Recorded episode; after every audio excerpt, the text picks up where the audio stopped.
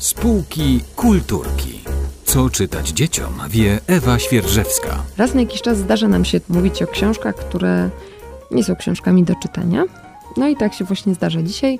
Dzisiaj książka do kolorowania. Herf Tule, wydawnictwo Egmont Art, odnoga Egmontu, która wydaje książki artystyczne.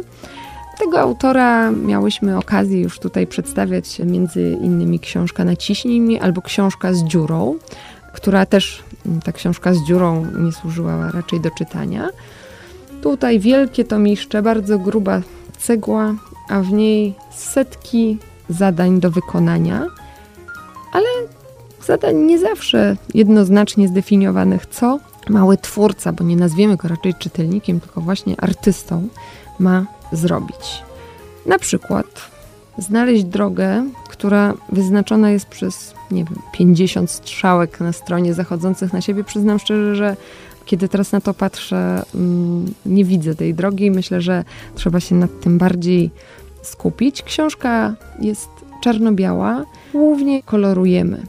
Tak jak życzy sobie tego autor, albo dowolnie według własnego uznania. To jest taka kolejna z tych książek, które nie narzucają niczego, nie mówią teraz ładnie w linijkach pokoloruj, żeby tylko nie wyjść za linię.